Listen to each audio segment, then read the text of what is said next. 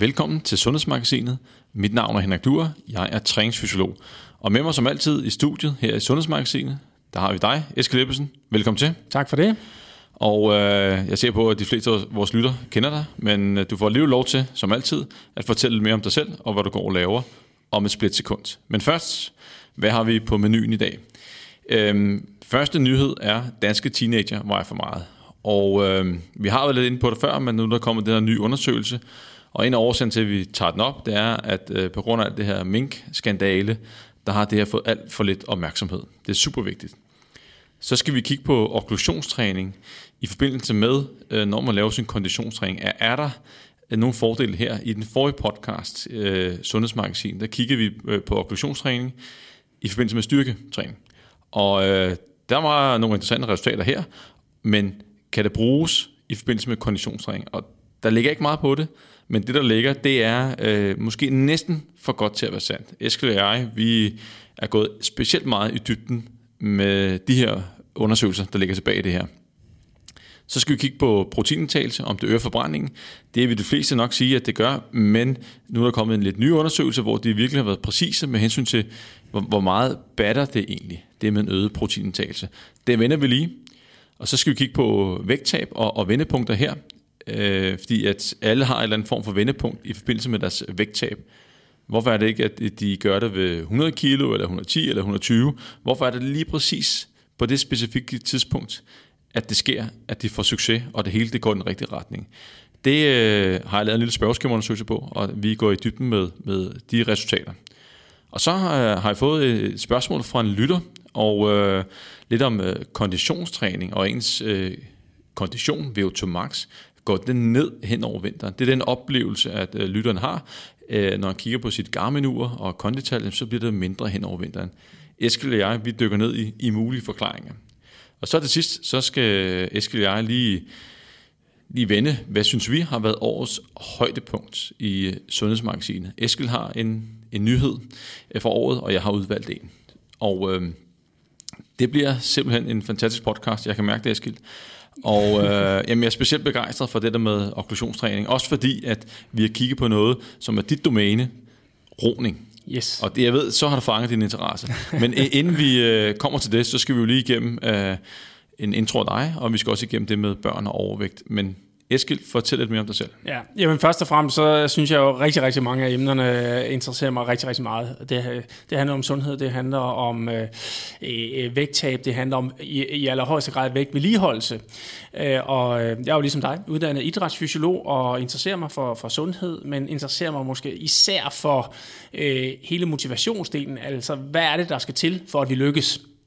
Og det er også det, jeg arbejder med øh, i, til daglig, øh, og hjælpe øh, ja, mest virksomheder til at lykkes med deres mål og deres øh, ambitioner.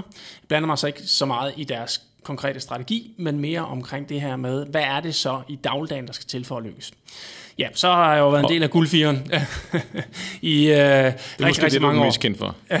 ja, øhm, og det, jeg har været med på guldfieren, jeg har været til OL fem gange, øh, og, og det har jo selvfølgelig fyldt rigtig, rigtig meget i, i mit liv, og jeg plejer nogle gange at sige, at jeg har to uddannelser. Jeg har en, en uddannelse fra Københavns Universitet, og så har jeg det at være en del af sådan et hold, som har, har lykkes med deres mål øh, så mange gange i et, i et samarbejde med andre. Øh, og det, det har jo været nogle, nogle fantastiske oplevelser også. Og du nævner aldrig, jeg skal altid selv sige det, hvor mange medaljer du har vundet. Er det jysk, øh, hvad skal vi kalde det, øh, sådan øh, rolighed, eller hvad man skal kalde det, men, men du har vundet øh, medalje hver gang. Og det, har været, det er altså blevet til tre OL-guldmedaljer og to OL-bronze. Yes. Og så øh, et hav af verdensmesterskaber og et utal af danske mesterskaber, som jeg ved, du ikke har styr på.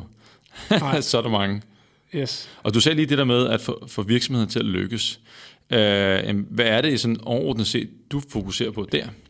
Jamen, det, det er jo det her med, at når man nu har et mål eller en strategi, øh, det, det, det hjælper dig jo ikke. Altså det der, det, der hjælper jo, det er at være meget konkret på, hvad er det, der skal være anderledes i min hverdag? Altså hvad er det, jeg skal gøre anderledes? Man kan jo ikke forvente at få et anderledes resultat, hvis ikke man gør noget anderledes. Øh, det er sådan en grundlæggende øh, ting. Altså øh, blandt andet øh, prøver jeg at motivere meget med 95-5-reglen, som, som øh, Ja, altså som, som jeg har tænkt ind som en del af den her motivation, altså hvor, hvor man siger, jamen øh, du skal faktisk kun fokusere 5% måske på selve resultatet, men 95% på, okay, men hvad er det så, jeg skal justere og gøre anderledes øh, i, i konkrete hverdagssituationer.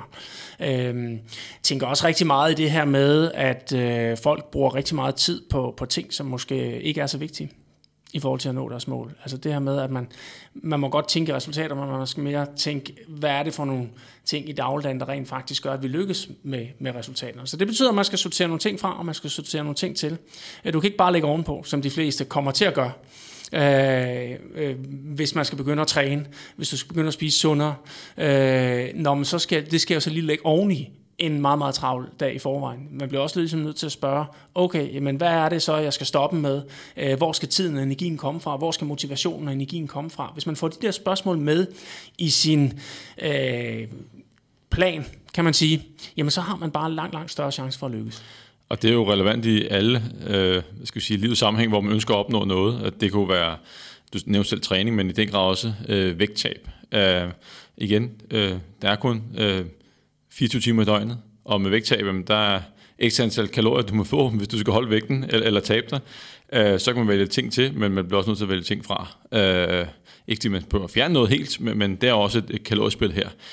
Men Eskil, lad os kaste os over den allerførste øh, nyhed, og øh, den kom som nævnt til under øh, coronakrisen, specielt her under minkskandalen, som stadigvæk kører på nuværende tidspunkt. Og der er en, en ny rapport øh, fra øh, Sundhedsstyrelsen, undskyld, Statens Institut for Folkesundhed. Og øh, der står simpelthen, at de kaster en ny bombe ind i debatten om voksende overvægt hos danskere. Hvor allerede i forvejen er øh, hver anden vokser, voksen, undskyld, allerede overvægtig. Så det er altså 50 procent, faktisk er der 51 procent i Danmark af de, af de voksne, der er overvægtige. Men nu kigger man så på børnene, og der er altså hver femte barn i teenagealderen er overvægtig. Og øh, det er jo gennemsnit. Er forældrene lavt uddannet, jamen, så er der altså hver tredje barn. Og Eskild, øh, det, øh, jeg synes næsten, at det er mere skræmmende end, end corona på den lange bane. De corona, der har vi en vaccine, der kommer, og det skal nok hjælpe os. Men her, der er ingen vaccine. Ja, ja, præcis. Øh, øh, man kan sige, ja, corona fylder jo voldsomt meget nu. Øh, men det her, det har jo fyldt meget i lang tid og, og kommer til at fylde mere og mere, hvis ikke der bliver gjort en indsats. Øh, og hvorfor er det så lige et problem, at, at man måske har lidt valbefedt, som nogen tænker? Og det er det, fordi at øh, 70% af unge overvægtige, de tager det med ind i voksenalderen. Øh, og jamen, det udgør jo en, en, øh, en, en sundhedsrisiko at, at være for overvægtig, og, øh, øh, og, og det øh, kan altså give, give forskellige former for kræft og diabetes, som koster... Øh, ja, hvad skal man sige, sundhedssystemet koster det selvfølgelig øh, øh, mange penge, men, men, men også for den enkelte er der nogle, kan der jo være nogle store konsekvenser. Øhm, altså det, det, øh, man har måske ikke helt den frihed og, og de muligheder, hvis man er overvægtig, som, som hvis man øh, hvis man havde kan man sige, øh, få, fået øh, den, den bedste øh, stimulation fra, fra, fra barns ben, altså at, at, at man øh, blev opdraget til at, at, at spise sundt osv. Det, det, er jo, det er jo klart, der er en sammenhæng mellem det, man bliver tilbudt som barn, øh, og, og, og, så, og så det, man spiser. Øh, så, så forældrene har jo selvfølgelig et ansvar, men øh, det vi også har talt om, det er, forældrene har et ansvar, men det er jo ikke sikkert, at det er alle, der magter det her ansvar, øh, eller har den viden, der er om det. Øh, så jeg tror, vi er meget enige om, øh, os to, Henrik, øh, øh, at der skal altså også nogle politiske beslutninger til. Der skal nogle initiativer til at hjælpe de her voksne til at hjælpe deres børn. Øh, og, øh, og det kan altså betale sig, og vi har jo også faktisk talt om, at vi har jo været igennem nogle tidligere studier. Ja, og øh, lige når vi kommer til, til Leeds og Amsterdam, så, øh, så synes jeg også, det, det er værd at nævne, at de har også en, en fremskrivning her, øh, at nogle år ude i fremtiden, øh, så er der altså øh, hver anden, eller undskyld, det er, hvad hedder det, to tredjedel, der så vil være overvægtige som, som voksne. Og vi ved, at det, det koster samfundet øh, penge. Øh, vi ved, at det, det kan medføre øh, hjertekarsdom, sukkersyge, visse kraftformer osv og det koster samfundet milliarder bare alene øh, type 2-diabetes. Det, det jo, koster jo vores samfund alt inkluderet et tocifret milliardbeløb. Og det der så er er mest interessant, det er, at øh, en del af de her tilfælde her kan rent faktisk forebygges og behandles ved hjælp af sund livsstil, øh, det vil sige koster og fysisk aktivitet. Og så lige tilbage til, til, til det med leads, øh, og det, det er interessant, fordi at vi jo i den vestlige verden, vi er jo ikke det eneste land, hvor at, øh, overvægten den, den, den buller frem, øh, og heller ikke blandt børn. Og, øh, men i Leeds og også Amsterdam, der har man formået at knække kurven. Og, og Leeds, øh, vi har tidligere lavet en podcast om det, så hvis man har detaljerne om, om de to studier, eller de to forsøg, så skal man lige gå tilbage i podcastrækken og, og kigge. Men det, som Leeds øh, har gjort, er det, de gør i England. Der opsamler de data fra folk, der kommer ind i, i børnehaven, altså vægtdata. Og de har en million, eller hvor meget det er, i, i det register. Og så kan du se, om, om ting rykker sig. Og så har man set det Leeds, at rent faktisk har det formået at knække kurven der for folk, der kommer ind i, i børnehaven. Og det, det havde gjort interessant her, øh, som jeg synes var, var super, super spændende, det var, at de havde sat ind med et, et forløb med folk, der øh, tager ud til de her måske ressourcesvage øh, forældre og hjælper dem i de tidlige år. Så er der en forebyggende indsats. Øh, og der ser også mange andre faktorer, at de, de, de gør brug af, men, men jeg synes, det er interessant at kigge i den retning. Og ligesom med Amsterdam, hvor de kigger på, hvad man har med i madparken, samspil mellem lokale arrangører, og de bygger bare på i om at få den, den sundeste generation af 18 år i, jeg kan huske, om det var øh, 20, 35, eller hvornår det ville være. Men, men der er nogen, der gør en indsats, og som også får resultater. Præcis. Desværre kan man sige, er det jo, at det jo, resultatet kommer jo først øh, altså sådan rigtigt langt ud i fremtiden. Altså de her børn bliver jo selvfølgelig normalvægtige, men sådan de virkelige gevinster, det er jo på lang sigt. Øh, måske først op... Øh, øh, måske 40, 50, 60 års alderen, hvor man virkelig øh, måske kan se en effekt af den indsats, man har gjort meget, meget tidligt. Og øh, når man kigger på øh, en ting, at, altså de økonomiske konsekvenser, nu sagde jeg bare for type 2 diabetes et, et tocifret milliardbeløb, men over nogle år, jamen det løber jo op med hjertekarsygdom og visse kræftformer, alt hvad der nu kan være overvægtsrelateret. Og jeg tænker bare, hvis man nu bare fra politisk side sagde, nu tager vi bare 1 milliard, og så bruger vi det på vi, vi, vi tager fra vugge til grav, eller faktisk før. Øh, det vil sige, at, at øh, når folk skal til at blive forældre, så sætter vi massivt ind her, og prøver også i lokalområder at inspirere og lave øh, partnerskaber på kryds og tværs. Øh, skoler, fastfood, øh, pizzerier, alle de ting. Så ser vi, hvis vi nu skruer for charmen maksimalt, hvor mange kan vi så hvad skal vi sige, forvent, hvor meget kan vi knække kurven, og så kan man jo lave en, en kalkyle på, kan det her så betale sig? Øh, jeg tror, det kan. Det tror jeg bestemt også. Øh, og øh, det er jo langt, langt, langt fra kun økonomiske gevinster. Øh, der er jo også noget, der følger jo også noget, noget selvværd og, øh, øh, og, og som sagt nogle, måske nogle helt praktiske muligheder, øh, som, som, som, som potentielt kan, kan blive bedre, hvis, hvis man kommer ind i voksenalderen øh, normalvægt. Jamen altså, man har set det i andre steder, hvor man laver et pilotprojekt, og så giver den alt, hvad man kan, og så lærer man løbende det, og så ruller man ud andre steder. Og jeg, jeg, jeg forstår ikke, hvorfor der ikke er nogen, der, der er super ambitiøse, og, og så tager den op og, og, og gør det. Øh, nu er det ikke kun de overvægtige, øh, der øh, giver en udfordring for sundhedssystemet, men det er også de ældre. Hvordan kan man øh, få de ældre til at være mere fysisk aktive og, og træne? Altså inden for de næste 10 år, der har vi 150.000 flere 80-årige. Og jeg tror ikke, at der så meget plads i vores sundhedssystem. Jeg tror ikke, der kommer, det vælter ind med penge, og slet ikke på grund af corona til velfærden. Det, det bliver hårde tider, vi går i møde, og derfor er, er der behov for, at øh, vi får vendt den kurve her, og man tænker meget, meget langsigtet. Øhm, og jeg er helt sikker på, at det kan betale sig ø- økonomisk. Yes. Nå, øh, men lige for at samle op, øh, forældrene har selvfølgelig et ansvar, men vi bliver som samfund nødt til at hjælpe dem på den ene eller på den anden måde, og finde ud af, hvad skal det til. Så nu har vi Øh, der er mange, der har sagt, at det er forældrenes ansvar, det har vi gjort de sidste 20 år. Men, men det har ikke hjulpet endnu, øh, og vi kan råbe endnu højere, og det kommer ikke til at hjælpe. Vi bliver nødt til at, at gøre en fælles indsats mod det her. Enig. Eskild, vi skal videre til, øh, til det næste, og det er jo måske dagens favorit. Og dagens favorit er øh, okklusionstræning. Og Eskild, lige et hurtigt spørgsmål, inden jeg lige kaster mig ud i, i forklaringen. Hvor øh, spændt var du, da jeg sendte den her undersøgelse til dig på at læse den? Altså, vi nævnte jo lidt om okklusionstræning i forbindelse med konditionstræning, og nu fandt vi et studie, eller jeg fandt et studie, med, hvor man har gjort det på elite-roer. Så da du fik den ind i din mailbox, var du spændt? Ja, det var i høj grad. Øhm, men jeg har også set nogle ting, hvor man sådan tænker, ja ja. Øh, det kan da godt være, at øh, de, de lige har fundet et eller andet. Men, men det er jo nogle ret voldsomme resultater, øh, de har fået på faktisk nogle meget, meget veltrænede øh, roer. Ja, vi er jo lidt over i det der med, øh, er det for godt til at være sandt? Altså, det, det, resultaterne er så gode, og vi skal nok komme ind på om, om et split sekund, men hvor man virkelig tænker, der, der er et eller andet, der ikke er, som det skal være. Fordi øh, sådan nogle fremskridt har man ikke set tidligere, når der kommer nye træningsmetoder, teknikker. Nej, præcis. Og derfor bliver vi selvfølgelig nødt til at dykke ned i det. Og hvis øh, du som lytter ikke kender til okklusionstræning, så handler det om, at man aflukker delvis for blodtilførselen, det er typisk sådan 70 procent, øh, ned til, øh, til benene eller til, til armene, hvis det er dem, man træner. Og øh, det, der så sker, når man sådan aflukker delvis, det er, at der godt kommer lidt blod igennem, øh, og, men tilbageløbet er, er stærkt begrænset. Og så kommer der sådan en ophobning af blod og, og metabolitter. Øhm, og det øh, har man faktisk brugt i mange år i Japan. Det er faktisk relativt nyt, at man har taget det op i Europa og, og resten af den vestlige verden for at kigge på, hvad kan det give af resultater. Og i vores forrige sundhedsmagasin, der var vi forbi øh, styrketræningen.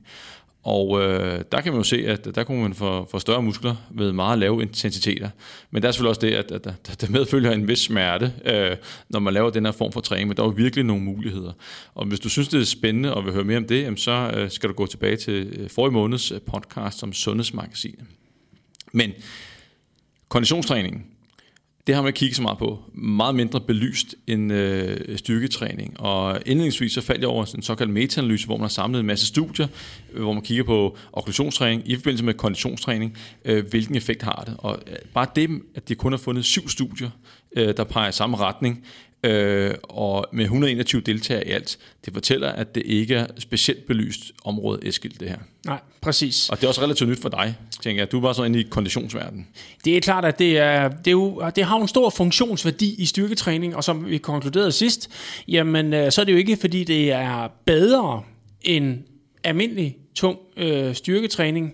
Øhm, du kan opnå samme øh, udvikling af volumen, altså muskelvolumen med øhm, øh, øh, afklemning, okklusionstræning, men øh, den fordel, det specielt giver, det er jo, hvis, hvis du har skadet, altså skal træne din, din lårmuskel, øh, men, men har ondt i knæene. Øh, så kan du altså øh, holde din muskelvolumentræning med, med Katsu. Så der er det jo øh, særdeles genialt. Øh, Øh, men i forhold til konditionstræning, og at det skulle kunne give en yderligere effekt øh, end normal træning, øh, det ved vi jo selvfølgelig ikke 100%, men der er i hvert fald et studie her, hvor man har prøvet at sammenligne roer, der tre gange om ugen, øh, altså to gange 10 minutters træning med okklusionstræning, øh, det gjorde de tre gange om ugen, hvor en interventionsgruppe lavede den samme træning, blot uden okklusionstræning. Øh, og Ja, altså skal vi springe direkte til resultatet? Ja, jeg, jeg, jeg tænker, at øh, ligesom du, du nævnte, at øh, det der er, øh,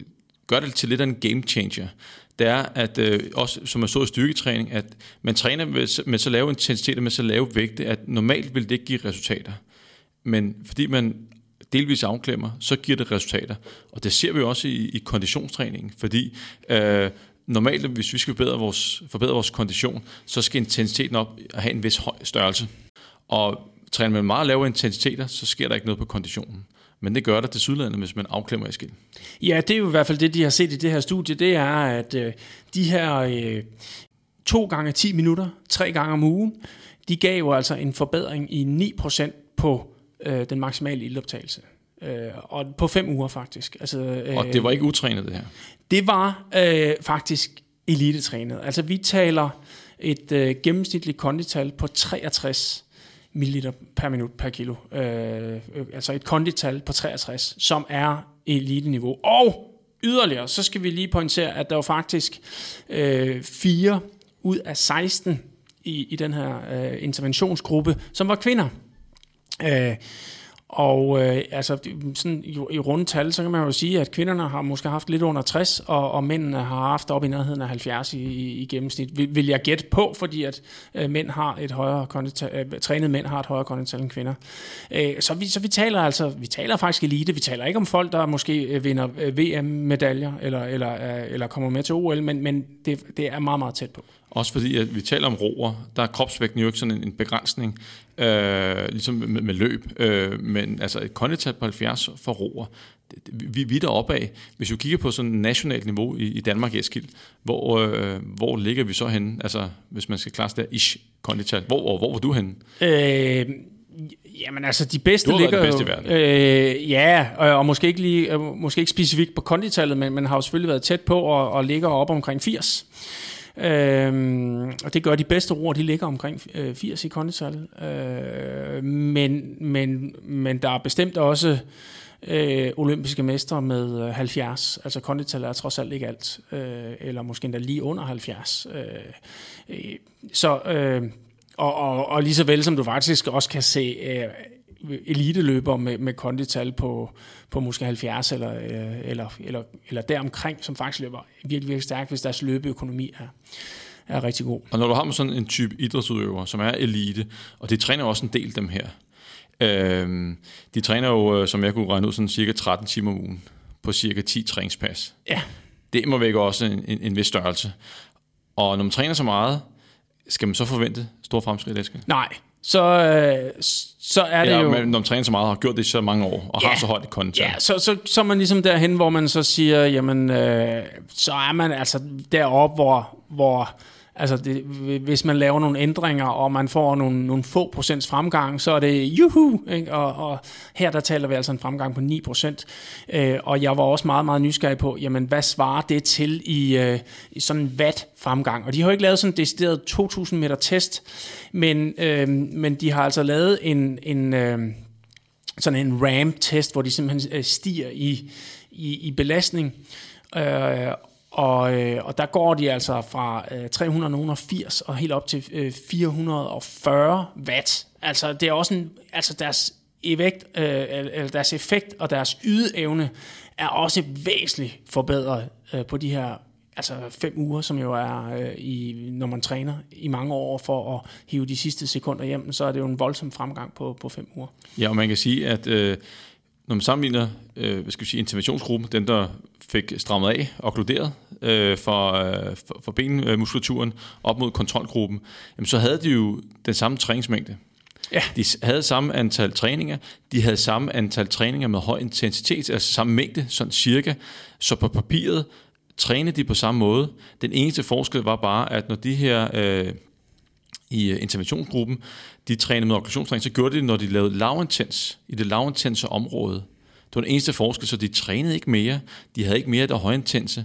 Det eneste forskel var bare de der øh, to gange 10 minutter øh, et par gange om ugen, hvor de, de, de klemte af, når de trænede lavintenst. Kontrolgruppen, der sker ikke noget med deres kondition. Men som du siger, de får, øh, var det 9% fremskridt i interventionsgruppen, og det er jo også bakket fint op af, at vattesten, som de laver, at der stiger de også og kontrolgruppen, der, der, var, der var flad. Der var ingen fremskridt på de, de, de, på de fem uger. Så Eskild, på en skala fra 1 til 10, hvis det her det holder vand, ja. og øh, vi kommer til at vende tilbage til den meta-analyse, som vi var inde på, for at se, hvad, hvad, hvad viser den. Men hvis det holder vand, hvor vildt er det så? Nå, jamen øh, det er, øh, jamen det, det, det, er, det er der, hvor man tænker, jamen det, det er for godt til at være sandt. Øhm, vi har så også kigget på, øh, øh, vi har så også lige kigget på, okay, jamen hvad kan forklaringen være? Øh, og, og der, den, den, den oplagte forklaring, som vi jo også har talt om i forhold til styrketræning, det er, at øh, jamen, når man lærer en kontrolgruppe træne med samme øh, belastning, men uden kof, Øh, øh, altså det kunne, de træner måske med, med, med 200, 220 watt eller, eller noget i den størrelsesorden, øh, når de laver de her 10 minutters. Så er det klart, at øh, for sådan nogle veltrænede roer, der, der er det jo en meget, meget let belastning. Men når du så tager koffen på, så bliver det pludselig en, en hård belastning. Og så må man også forvente et, et, et, et større træningsstress, øh, og dermed også en større effekt, hvis der er plads til det. Altså hvis ikke du træner meget i forvejen. Så det er sådan den, den oplagte forskelsforklaring. Og øh, der har vi også været nede og kigge i deres, øh, deres træning. Og de træner jo de her mange timer, altså de træner jo, øh, øh, der er faktisk en lille forskel. Øh, interventionsgruppen, altså dem, der træner med okklusion, de træner 13,7 timer, hvor den anden gruppe så træner 13 timer, har de trænet i snit. Men det er ikke signifikant forskel.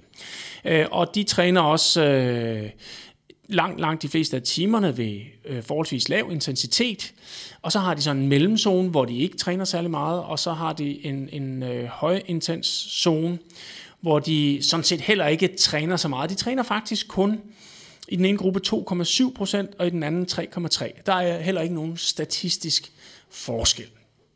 Øh, men vi har lige regnet lidt på det, og det giver altså henholdsvis 21 og 27 minutters højintens træning.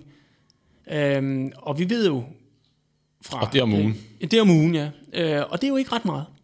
De her, øh, ja, øh, knap en halv times træning med høj intensitet, det er måske ikke helt nok til at nå deres maksimale potentiale. Så i praksis, så kan man jo godt forklare det her med, at når man så har en øh, okklusionstræning yderligere en time om ugen, jamen så får man måske lige netop den stimuli, der skal til for, at man udnytter sit maksimale potentiale. Altså man kunne argumentere for, at kontrolgruppen skulle de så i virkeligheden lave noget mere højintens træning, for at man ligesom kan sammenligne det. Fordi at alt andet lige, så er det jo en ekstra belastning, man giver kroppen i interventionstræningen. Så det er jo selvfølgelig en, en, en, en fejlkilde. Og så, øh, nu, hvis jeg lige skal gøre den Eller færdig. man kan sige, at det er måske en, en forklaring på, hvorfor, Ja, hvorfor de får en større fremgang. ja, at, at man pludselig kan tage, lave noget lavintens træning og, og give det samme effekt som en højintens træning. Ja. Yes, præcis. Præcis. Altså, man, man, altså interventionsgruppen burde måske ja, øh, have lavet nogle, nogle øh, skulle de have lavet de 10 minutter, som er også med noget høj intensitet. Det kunne være interessant. Ja. Det kunne være rigtig, rigtig interessant at, at, at se på. Øhm, og, og de her øh, roer her, øh, når du roer så 13 timer om ugen, bare lige for at sætte det lidt i perspektiv. Når I sådan, jeg ved godt, der var forskel på, hvornår, hvornår på sæsonen man var. Ja. Og var det en ugen før øh, OL-finalen, eller var det tidligt i opbygningssæsonen. Men, men sådan bare sådan en gennemsnitlig uge, hvor, hvor- mange minutter øh, brugte I på at træne, og hvor meget var højintenst? Øhm, jeg vil sige, at det er jo, hvis du sådan kigger over et helt år, så er det jo heller ikke helt ved siden af det, vi trænede. De har så godt nok også noget styrketræning med i, i de her timer. Øhm, ja, vi, vi, vi, trænede, vi, trænede, vi trænede lidt mere, men det er jo ikke meget mere. Vi trænede til gengæld, vil jeg sige, meget mere højintens træning. Og øh, ja, Øh, og og det, det, det er i hvert fald forskellen. Altså, øh, og, og, og derfor har vi måske også kunne få udnyttet mere af vores ma- maksimale potentiale øh, på, på, kun, på, på stort set samme mængde, eller i hvert fald ikke ret meget mere samlet mængde træning. Så de her resultater kan man godt forestille sig kan lade sig gøre, hvis det er, at den der, hvad skal vi sige, lavintense træning, man kan få den samme effekt, som svarer til, til en højintens træning, Ja. bare ved lav intensitet. Det er sådan den, hvad skal vi sige, den træningsmæssige årsag. Hvis du kigger på den fysiologiske årsag, øh, når du kigger på VO2 max, altså ens maksimale kondition, øh, så er det afhængigt af, hvad skal vi sige, hjertets pumpekapacitet, hvor meget blod, der kan komme ud per minut, altså minutvolumen, hvor meget ilt kan vi levere til de arbejdende muskler, og så den anden øh, faktor, det er, hvor, meget, hvor gode er vi til at trække ilten ud af blodbanen, ud i musklerne. Så meget kan vi levere, og hvor gode er vi til at udnytte det øh, i, ud i musklerne. Og hvad, hvad er dit, dit bud her, Eskild, sådan rent fysiologisk? Hvor, ja, hvor tror men du, der, ligger der har været diskuteret lidt, øh, når man, kan, kan det være, at når man afklemmer, så bliver musklerne rent faktisk bedre til at trække ilten ud af blodet. Øh, og der er lige ved at sige, det må vi afvise, øh, fordi musklernes kapacitet, øh, Øh, specielt hos, hos veltrænede, den, den, den er rigelig, rigelig til at trække øh, stort set alt ilt ud af det blod, også selvom øh, hjertet kan levere rigtig meget. Så, så det vi jo ser, det er jo, at begrænsningen, det er jo, hvor meget øh, ilt kan hjertet levere, altså hvor meget blod simpelthen kan der pumpes ud fra hjertet. Øh, så, så jeg vil forvente, at den her effekt, der er sket, jamen det er simpelthen ved, at, at hjertets pumpeevne er øget, og det er jo ikke, det er jo ikke øh, ens makspuls, der øges, det er altså slagvolumen, altså hvor meget blod bliver der pumpet ud per slag, øh, vil, man, vil, vil jeg forvente, øh, vil, vil være forskellen. Og nu har vi ikke øh, pulsdata på dem her. Øh, og fordi at vi, måske hvis det var, at man i de der minutter, man havde koffen på, at man så havde maksimal puls, som en indikator for, at hjertet, hjertet var, var stresset Ja. maksimalt. Ja. Men, men øh, nu er der ikke nogen pulsdata, men du prøvede jo lige selv i, går at øh, løbe lidt. Ja, og, og, det må hvad, jeg hvad, sige. Og cykle også. Hvad skete der med din puls, da du Der- blev lukket af? Ja, men altså øh, øh, med sådan en studie her, så kan man sige, det bliver vi nødt til at prøve. Altså øh, med, med, med de effekter, det ser her, så bliver vi nødt til at prøve det på os selv. Og, øh, Øh, og, og jeg blev lidt overrasket over, at, øh, at pulsen faktisk ikke steg mere. Jeg prøvede både at løbe og cykle med det. Nu, nu havde jeg ikke lige øh, i går adgang til romaskinen, men det skal jeg da også prøve. Øh, Øh, pulsen var en lille smule højere, når jeg løb med det, men, men det er ingen tvivl om, det gjorde, det gjorde ondt i benene, både at cykle og løbe. Øh, så, så, så der er jo et, et større muskulært stress, men, men jeg, jeg tror ikke, der er et sådan større stress på, på hjertet. Øh, og det kan jo også øh, det kan være en effekt, det er det her med, at øh, hjertet simpelthen bliver belastet mere. Men det kunne jo også være de her metabolitter, som ophobes i musklerne, når vi er okkluderet. Øh, det, det er jo dem vi også konkluderer giver en, øh, en, en muskelvolumenøgelse øh, ved, ved, ved en øh, langt lavere belastning øh, ved oxidationstræning. Øh, måske når de her metabolit, metabolitter øh, kommer tilbage til hjertet, giver det et eller andet stress her, som, som faktisk øger hjertets pumpeevne. Og det kan man godt forestille sig, når man så øh, på et tidspunkt øh, løsner for, for båndet, så kommer der et, et, hvad skal vi sige, så bliver det ligesom lukket op, og så kan musklen så slappe, slappe af igen. Og måske kommer sådan et, et ordentligt, en lille tsunami af metabolitter, som øh, er jo en form for signalstoffer, eller det er det, som øh, måske kan give besked til hjertet om, at ved du hvad, øh, vi har altså brug for, at øh, du kan pumpe lidt mere. Yes. Summen er, at øh, vi ved ikke helt, hvad der sker, øh, og, øh, øh, men, men vi har nogle gissninger. Ja, og når vi nu er i gang med at gisne, så får, kan man finde andre steder i litteraturen, at man kan få konditionsfremgang ved hjælp at lave okklusionstræning. Øh, og det var den der metaanalyse, øh, jeg tog fat i, og som sagt, det er kun syv studier. Og øh, de, to af dem var med højintens, øh, højintens træning, hvor de fem af dem var med lavintens træning. Og der viste de præcis det samme. Når vi snakker lavintens træning, så var det nede omkring 35-40% af VO2 max intensitet. Øh, der viste de, at øh, afklemte man der, så var der konditionsfremgang. Så der ser ud til at være noget om det, selvom det, det er ganske få studier. Og øh, her, det skal siges, at det, det var, når vi er metaanalyser, og man skal kigge på noget, der, der øh, peger i samme retning og forsøger at tage et overordnet gennemsnit og konkludere noget, så var det jo også Øh, Øh, altså træningsprotokollerne i blandt de her syv studier var vidt forskellige. Nogle trænede to uger, nogle trænede seks uger, nogle havde to træningspas om ugen. Dem, der kun trænede i, øh, i to uger, øh, de havde så 12 træningspas på en uge, hvor de så kørte nogle... Altså, træningsprotokollen var også anderledes her. Øh, der kørte de nogle intervaller af tre minutter, fem intervaller af tre minutter, når de trænede. Og i det her studie her var det to gange 10 minutter. Så der, der er mange ting som øh, metodemæssigt, hvor man kan gå ind og sige, øh, er det en udfordring. Men summa summarum, de her, de fandt, at der var en fremskridt. Dog ikke, når man sammenligner med højintens arbejde, kontra højintens arbejde med kof, altså af, af, afklemning. Der var ingen forskel, men der var noget nede i det lave område. Øh, så det går med til at bakke op om, at noget af det, vi ser i det her ro-studie her, at det har en effekt. Ja, men, men, men, øh, der er i hvert fald øh, mere, der skal undersøges her, og, og det er der bestemt nogle resultater, hvor man tænker, at det, øh, det, det, det bør der efter, blive efterprøvet. Ja, og det som også, hvis vi skal forsøge at øh, få den der, det der ro-studie til at passe ind her, så, øh, så passer det ikke helt ind, fordi at tidsmæssigt fem uger, yes, men forsøgspersonerne her er, i ro-studiet er jo kondital 63. Og øh, i, i metaanalysen her, der ligger det selv mellem 37 og 54 i, i, i kondital. Og øh, så man kan forvente, at i det, det er dårlig form, så vil vi også forvente, at de kan øh, forbedre deres kondi endnu mere, end man kan, hvis man er elite roer. Og øh, jeg synes, jeg, jeg dykkede lige ned kort i det ene studie, øh, og det er hvad vi skal tage det op i, i en øh, anden øh, podcast, men dem, som kun trænede to uger, 12 gange om ugen, øh, undskyld, 6 gange om ugen, øh, og så to uger, det bliver 12 træningspas, øh, det var de her basketballspillere, og det, som var interessant, det var, at de gik bare på et løbbånd med 4-6 km i timen med hældning på.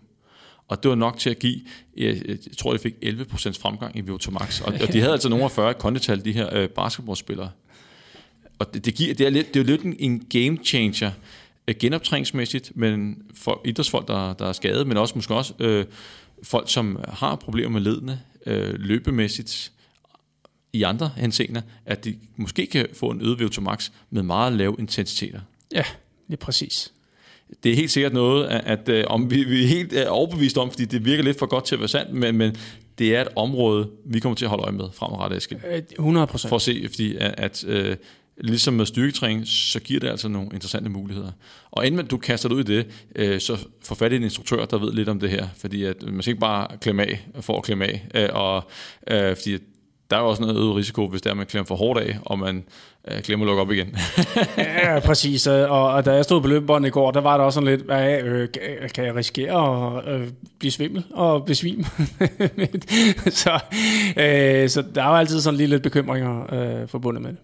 Men spændende er det, og jeg ved også, at øh, jeg skal også prøve det. Jeg skal ned og i forbindelse med løb, skal prøve at gå på løbbåndet, og, øh, og så klemme af. Det kan måske pakke mange træningspas ind på sådan en uge der, uden at det egentlig går ud over restitution. Det er jo det også, det er også super interessant, Eskild. Ja, præcis. Ja. Nå, Eskild, ikke mere om okklusionstræning den omgang her. Vi har også gået rigeligt dybden her. Jeg tror, vi har brugt 25 minutter.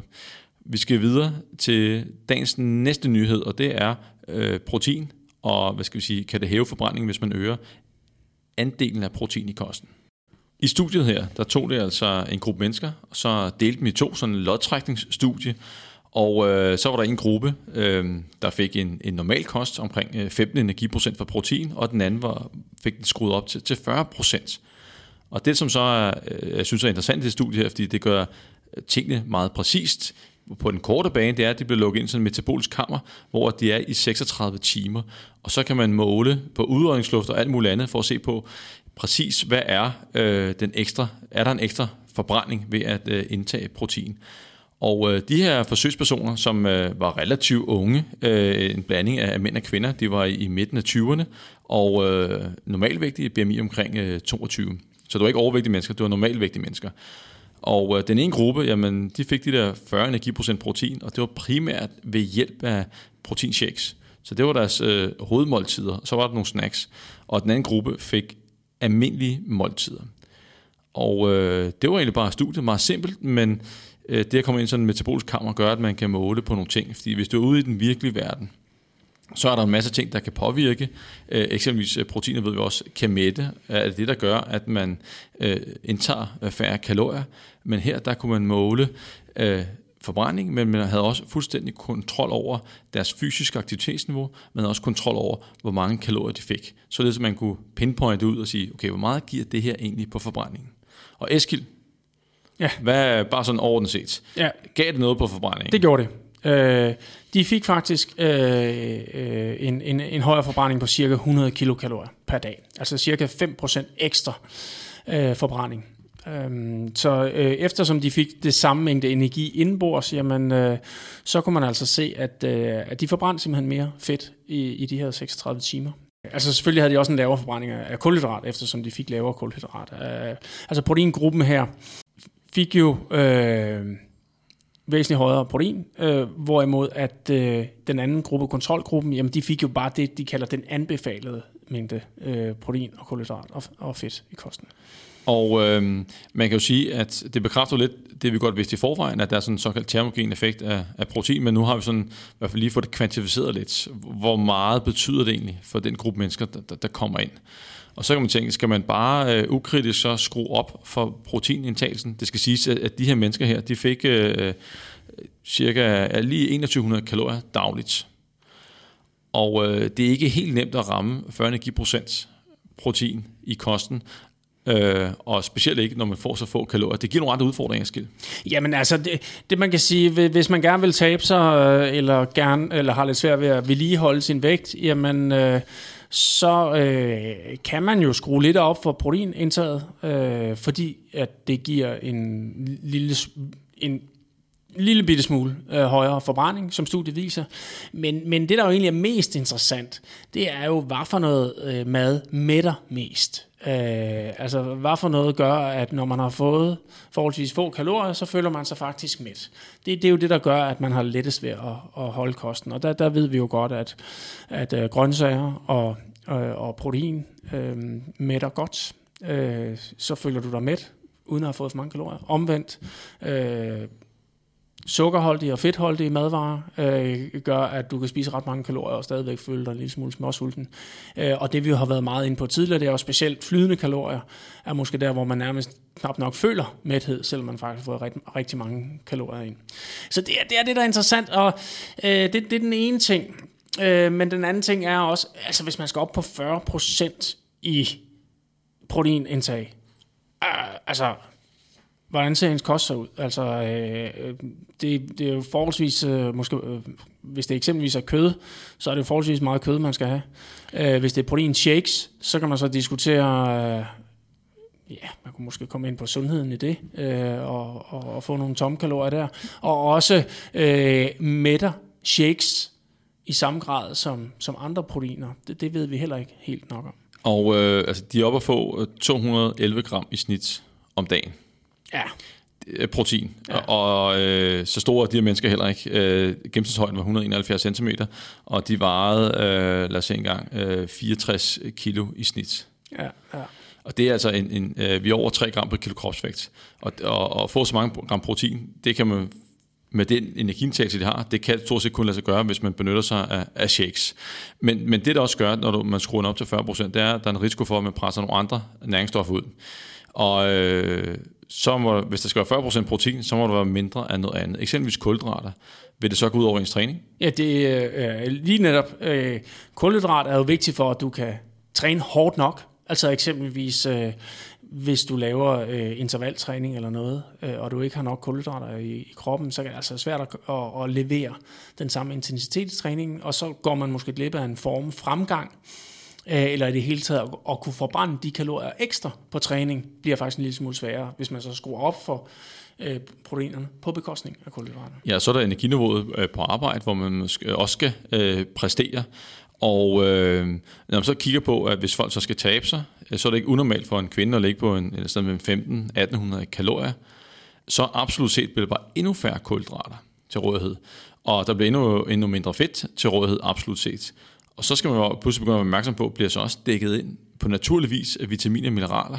Uh, igen, når man skruer op for, for en ting, så må man skrue ned for noget andet, og, og det giver nogle næringsmæssige uh, udfordringer. Så det kan godt være, at uh, på papiret, at det lyder godt med en proteinrig kost, uh, at det kan hæve forbrænding og give ekstra mæthed, hvis man skruer op på 40%, men det skal også fungere for en i hverdagen. Det skal fungere for en i hverdagen, og øh, øh, så det er ikke nødvendigvis det, som, som vi vil anbefale, og, og man må også sige sådan alt andet lige, det, det, det bliver noget dyrere med en, øh, en, en proteinrig kost, vil, vil jeg også sige, øh, og, og sundhedsmæssigt kan der jo potentielt også være nogle, nogle konsekvenser. Ja, altså de der 100 kalorier, er, er det virkelig det værd? Eller kan man få dem ved hjælp af lidt flere kulhydrater, og så kan man øh, træne lidt hårdere? Ja. Øh, det, det kunne være en, en, en mulighed. Og normalt, hvis vi tager øh, styrketræning, så siger man måske 1,6 gram per kilo kropsvægt. Så begynder man at få maksimal effekt, og man i kalorunderskud skal den måske lidt højere op. Men her er det op på over 3 gram per kilo kropsvægt. Det er stort set dobbelt op i forhold til anbefalingen for, for dem, der træner. Så mm, man kan da godt prøve det i praksis, hvis man har lyst til det, men det er ikke de helt store fordele, man får ud af det.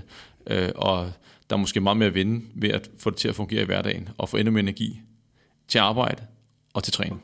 Ja, præcis. Altså, øh, hvis man ligger på halvanden til, til to gram per kilo, så er man øh, rimelig godt dækket. Så hvis vi lige skal samle op på denne her, så yes, det øger forbrændingen, men øh, at skrue den voldsomt op, proteinindtagelsen fra et, øh, et normalt niveau øh, til, til et meget højt niveau, men er det virkelig det værd? Er det de der 100 kalorier værd på den lange bane med hensyn til fastholdelse, med hensyn til energi til træning? Det er jeg ikke sikker på. Jeg, jeg, jeg vil ikke gøre det, hvis jeg skulle tabe mig. Nej. Nå, Eskild, vi skal kigge på lidt øh, vægttab og vendepunkter. Den her nyhed eller undersøgelse, den har jeg selv stået for. Øhm, jeg har tidligere lavet spørgeskemaundersøgelser, som jeg har sendt ud på Facebook og Instagram og, og, og LinkedIn. Og formålet med den her spørgeskemaundersøgelse var egentlig at finde ud af, øhm, det var i vægttab. Folk, som har tabt mere end 5 kilo og holdt vægttabet i mere end øh, 5 år. Hvordan har de egentlig klaret sig, og hvad er egentlig årsagen til, at de har succes? Og et af de spørgsmål, som jeg, jeg, jeg havde mulighed for at stille, øh, det var, jamen, hvad er vendepunktet, eller hvad var vendepunktet for dig? Øh, var det en speciel situation? Var der nogen, der kom til dig? Og, og det, øh, det skal vi dykke ned i i denne undersøgelse her. Der var i alt 600, der svarede på spørgeskemaundersøgelsen, og vi har da diskuteret det lidt i øh, den forrige podcast, men øh, jeg havde også mulighed for at stille ekstra spørgsmål til de 600. Og der spurgte jeg jo ud til øh, dem, jamen, hvad har dit vendepunkt været? Og der er 138, der har svaret på det spørgsmål. Og øh, man kan altid undre sig over, jamen det der vendepunkt, hvorfor sker det ikke før? Hvorfor skal folk op øh, måske mange kilo, før de gør noget? Hvorfor er der nogen, der, der gør det før end andre? Og hvad er det egentlig, der, der trigger situationen? Og øh, sådan overordnet set, og nu øh, så kunne jeg sådan smide mine nogle forskellige kategorier. Et wake-up call, nok er nok. Øh, det var sådan alt overvejende, alt overskyggende. Og så var der også mere energi. Og Eskild, jeg vil lige prøve at læse nogle vendepunkter op for dig. Så Ja. kan du... Øh, hvad hedder det, øh, det er så individuelle vendepunkter, som folk har, har skrevet ned. Men det der med, lige nummer et, et wake-up call. Boblen, den, den, den, den springer. Ja. Hvad, hvad, hvad tænker du om det? Jamen, øh, det der jo typisk sker, det er jo, at, at øh, man, øh, man tager jo stille og roligt på. Og man har måske et, øh, et, et selvbillede af sig selv. Altså man tænker måske ikke sig selv som, som overvægtig. Øh, eller det er bare lige noget midlertidigt. Eller øh, øh, man har i hvert fald sådan en eller anden opfattelse af sig selv. Og så lige pludselig så bliver man måske konfronteret af det øh, på, på en eller anden måde, hvor man tænker, ups, er det virkelig virkeligheden? Er er det fordi, at man, øh, altså, øh, man, man fortrænger? Jeg vil ikke sige, at man bevidst lyver over for sig selv, men man, man skubber måske tingene hen. Ja, man, man stiller sig måske ikke lige op på vægten, eller øh, øh, man bliver, tager måske ikke lige de der bukser frem i, i skabet, som man måske har sådan en eller anden øh, underbevidsthed om, at dem kommer man jo aldrig nogensinde i. Øh, at, at det kan være sådan nogle ting, som man sådan øh, øh, lige, man springer over den direkte konfrontation måske. Og det er, der er også dem, som, skal vi sige, som prøver hele tiden, og de fejler og fejler og fejler, og på et tidspunkt, så, så giver det bare op. Altså, det, det hele kan bare være lige meget. Ja. Det var også en, en kategori. Øh, Der var også nogen dernede af, som øh, gerne vil, men kan ikke, fordi de mangler det mentale overskud. Ja. Hvor- Hvordan kan det lade sig gøre, Eskild? Mangler det mentale overskud? Nå, ja, det er, er måske nok øh, det allermest naturlige, det er jo, at man er presset af andre ting. Øh, det tror jeg, vi alle sammen kender. Øh, men man vil gerne i bedre form. Man vil gerne lige øh, tabe sig. Men det kræver altså, at man skal tage nogle beslutninger i løbet af dagligdagen. Det kræver et mentalt overskud at tage de rigtige beslutninger. Altså, øh, det her med at skulle vælge det, som man godt ved er det rigtige, i stedet for det, man rent faktisk har mest har lyst til. Øh, det bliver man jo nødt til, hvis man skal tabe sig, eller man skal leve en, en sund livsstil, så, så, så skal man jo have den emne, og det kan man jo ikke, hvis man er presset eller stresset af øh, måske at skulle levere på arbejde, eller øh, man er presset med sine børn, eller sin familie, eller, eller økonomisk, eller, eller øh, andre gøremål, hvor man, hvor man hele tiden føler, føler sig bagud eller presset på en eller anden måde, øh, så, så, så er det måske ikke lige der, hvor man øh, tænker, det kan godt være, at jeg ikke lige har overskud til at klare min op- på arbejde, men øh, selvfølgelig har jeg et overskud lige til at tage æblet i stedet for den der småkage, der ligger der. Altså, det, det er jo ikke sådan, det foregår. Nej, og, og man kan jo sige, at det er jo ikke nemt at tabe sig. Det er ikke nemt at få succes på den lange bane. Der er jo tusindvis, der er millioner i hele verden, der forsøger hver dag. Og, øh, og hvis det var nemt, så havde alle folk gjort det og havde fået øh, succesen. Så det, det kræver, at man kan træffe de rigtige beslutninger. Man har overskud til at øh, fokusere på det her. Og som du også sagde, hvis det bliver, man er presset på arbejdspladsen, at det tager fokus. Der er problemer med kæresten, man har, er måske bange for at blive fyret, der er stress, der er nogle andre ting, der, der dræner den mentale kapacitet og, og fokus, jamen, så er det rigtig, rigtig svært at få succes med, med, med vægttab, livsstilsændring. Og så når det overskud så kommer, jamen, så tager fanden ved folk, og så, så kommer de afsted. Ja, øh, og, og jeg har jo prøvet det med folk, jeg har hjulpet, men du har jo prøvet det rigtig, rigtig mange gange, øh, og lyttet og set de her vendepunkter. Prøv at læse nogle af dem op, Henrik. Yes, øh, en af dem skriver, at, eller den del, der, der ryger kategorien, man ser et foto af sig selv. Det, det lyder mærkeligt, det kan jeg Ja, Jo, men det, det er jo det her, hvis man har et eller andet billede af sig selv, og man så pludselig ser et billede, og tænker, det der, det passer ikke, det der billede, men det gør det jo. Jeg havde også en her, som øh, er- der er flere, der skriver, bliver opmærksom på sit spejlbillede. Jamen ser man så ikke i spejlet hver dag, eller kigger man kun i ansigtsspejlet ude på toilettet, og så pludselig så møder man et helkropsspejl et eller andet sted, og så får man et chok, eller, øh, men det er jo, hvad, hvad folk skriver. Øh, at tøjet strammer, man ikke kan passe længere. Det er jo, det er jo sådan en, en, noget, man virkelig kan mærke. Og hvis man ikke tager action første gang, jamen, så går man både og køber en større til større, og så er alting normalt igen. Ja, Jeg har faktisk en, en, en, en case-historie herfra, fra den virkelige verden. Øhm, det var en, hun havde øh, leggings, sådan eftergiveligt tøj, ja, og det var bare strammet og strammet. Det, altså, de, de gav efter, så Ja. hun mærkede ikke, at, at de strammede. Nej. Og øh, så var der en dag, hvor hun skulle prøve sin, sin kjole. Det var, tror jeg, til en julefrokost. Og øh, så passede den ikke. Det var altså en kjole, hvor at, øh, den var købt ind til en stor pige i forvejen, men storpigskjolen kunne så ikke passe længere. Og det var ligesom startskud til, at øh, nu skulle der ske noget. Det var sådan det der wake-up call.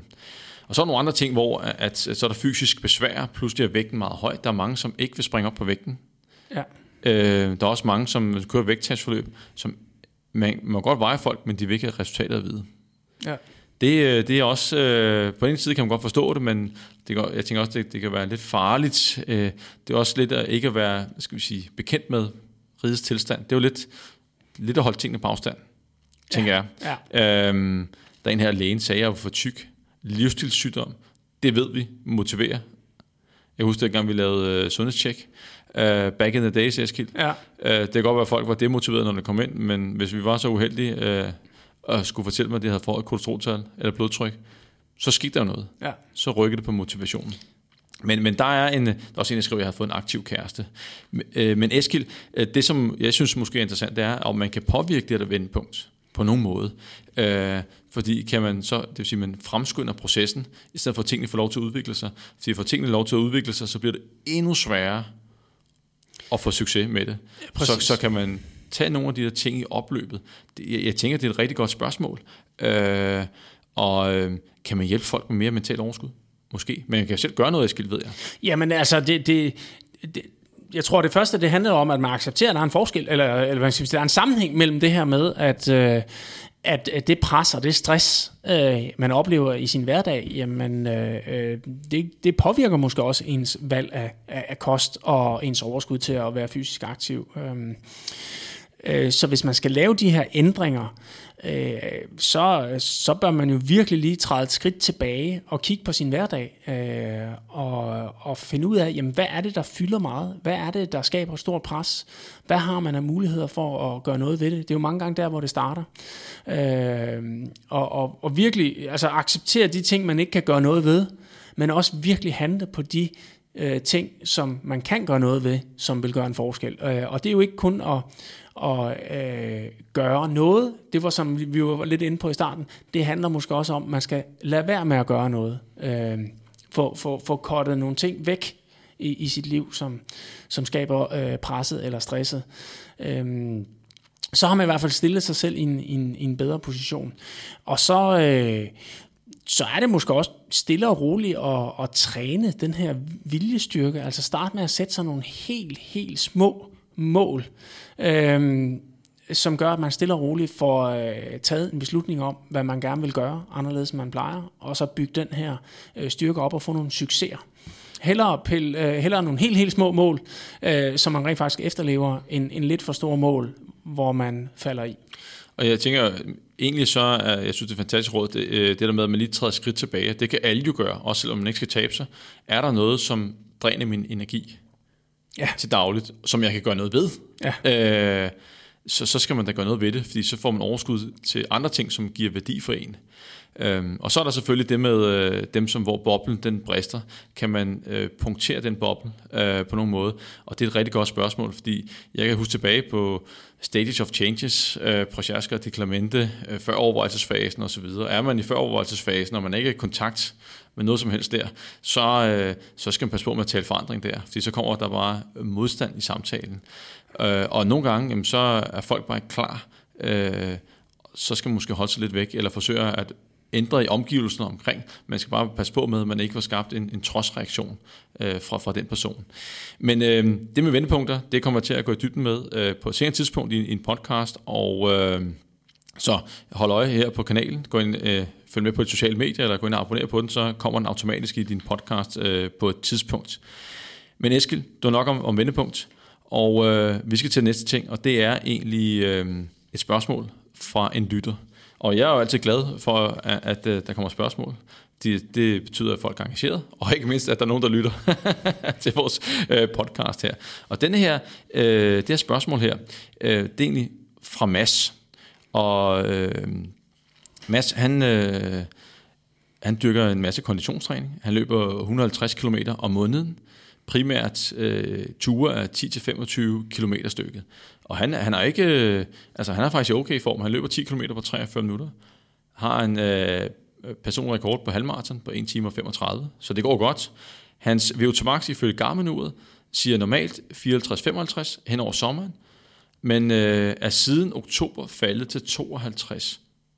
Så konditallet er blevet mindre, og han skriver, Mads skriver, at øh, det er uændret træning, vægt, søvn osv., det er som det plejer. Jeg kan bare ikke holde samme tempo. Hvad sker der, Eskild, hen over vinteren? Fordi sådan rent fysiologisk set, så bør der ikke ske noget. Nej. øh, men, men, men der kan være en anden forklaring på det. Nej, som Mads siger, der er, altså, det er ikke sådan, at, at ildoptagelsen bliver dårligere hen over vinteren. Øh, og det kan, det kan jeg helt sikkert øh, svare på, altså øh, fra mig selv.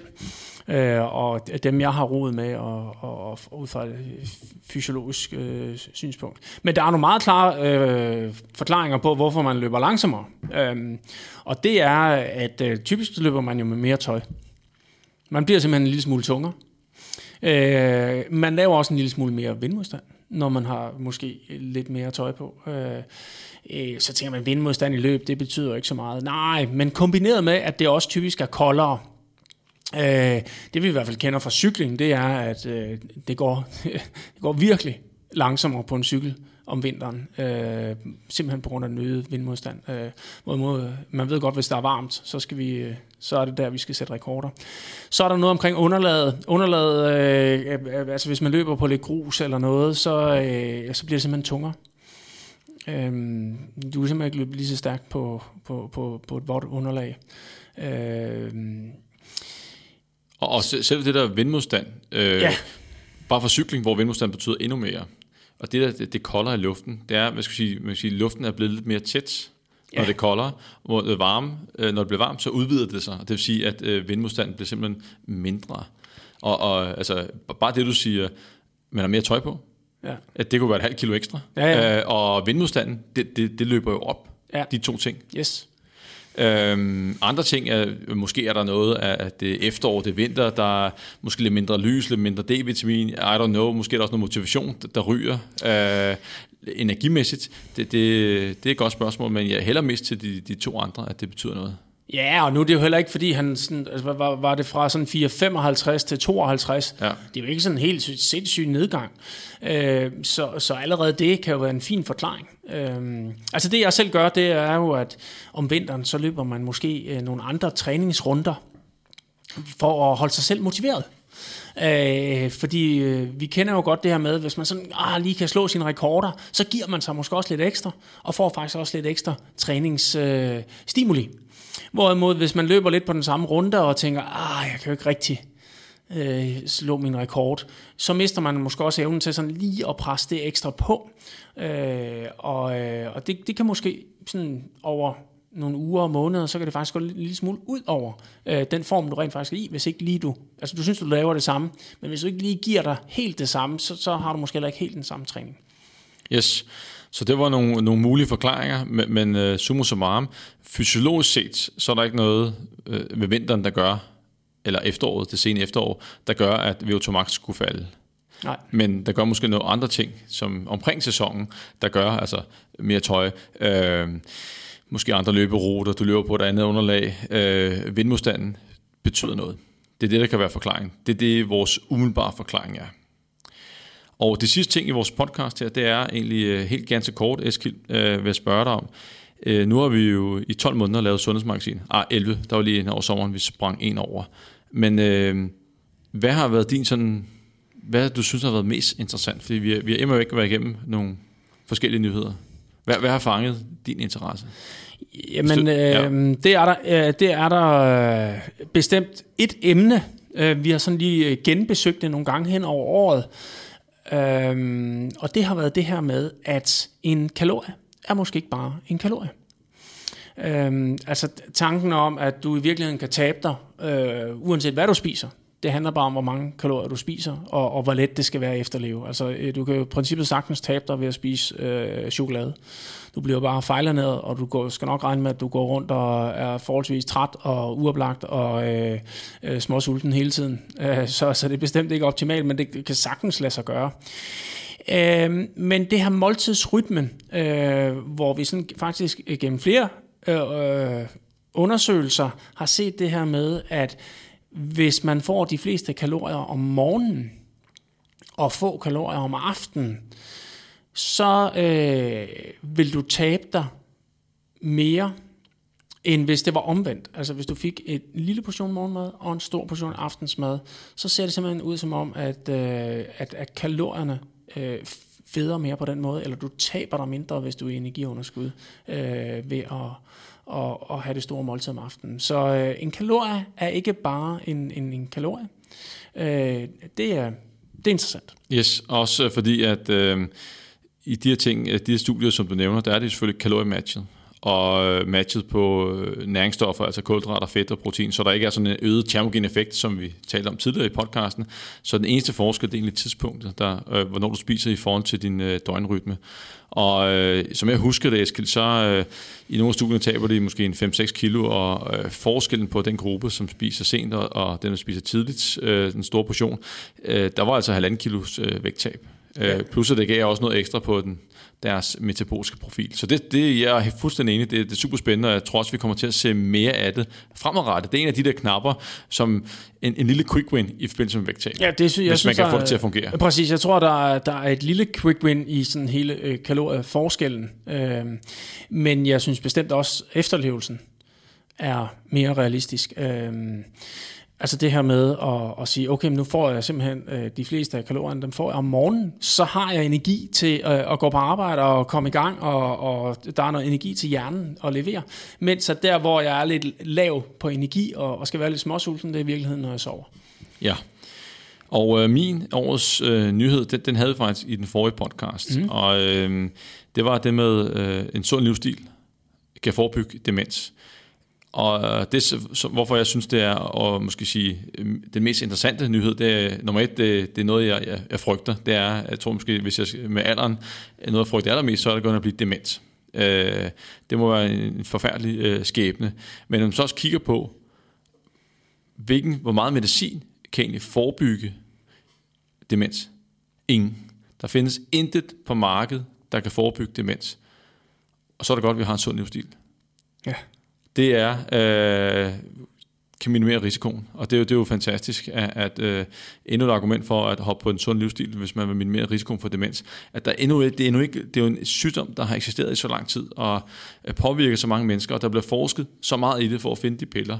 Man har endnu ikke fundet noget, der virker, bortset fra sund livsstil. Det ja. synes jeg er lidt vildt. Yes.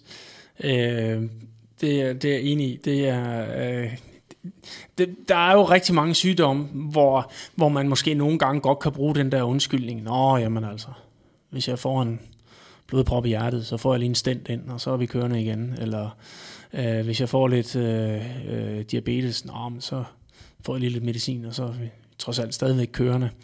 Øh, og sådan er det jo med mange sygdomme, men øh, ikke med demens. Eskild, vi er simpelthen ved vejs ende. Vi er ved årets ende 2020, og øh, jeg vil sige tusind tak for, at du har stillet op til alle sundhedsmagasiner i 2020, og du har forberedt dig, du har sat ind i sagerne og kommet med øh, bidrag til en særdeles fornuftig øh, diskussion. Masser af, af god input. Tusind tak for det. Selv tak, det har været en stor fornøjelse. Og jeg ser frem til, at øh, 2021 øh, er du med øh, hele året der. Det kan du tro. Og så vil jeg sige tak til alle jer, der lyttede med i årets løb.